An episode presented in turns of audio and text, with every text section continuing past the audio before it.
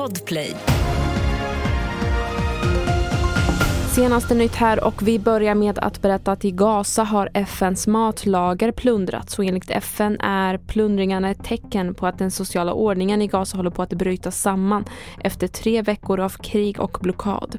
Enligt Läkare utan gränser tvingas Gazaborna utföra operationer på folk utan full narkos eller smärtlindring. Det här rapporterar SR.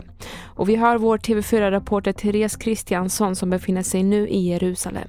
Eh, bränsle är jätteefterfrågat, inte minst från sjukhusen så att man kan bedriva sjukvård. Eh, men också mat och alla möjliga förnödenheter som behöver komma in. Men det behöver ju komma in otroligt mycket mer än vad som redan har släppts in så det är ju stora behov. Vidare kan vi berätta att idag är det 25 år sedan brandkatastrofen i Backaplan i Göteborg inträffade där 63 unga personer dog och 200 skadades allvarligt. Minnet högtidligt hålls ikväll med ett fackeltåg och en manifestation som anhörigföreningen arrangerar.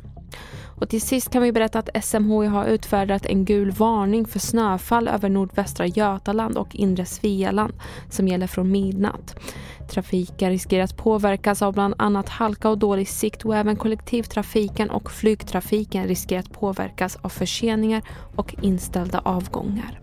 Fler nyheter hittar du på tv4.se och jag heter Merim Jamil.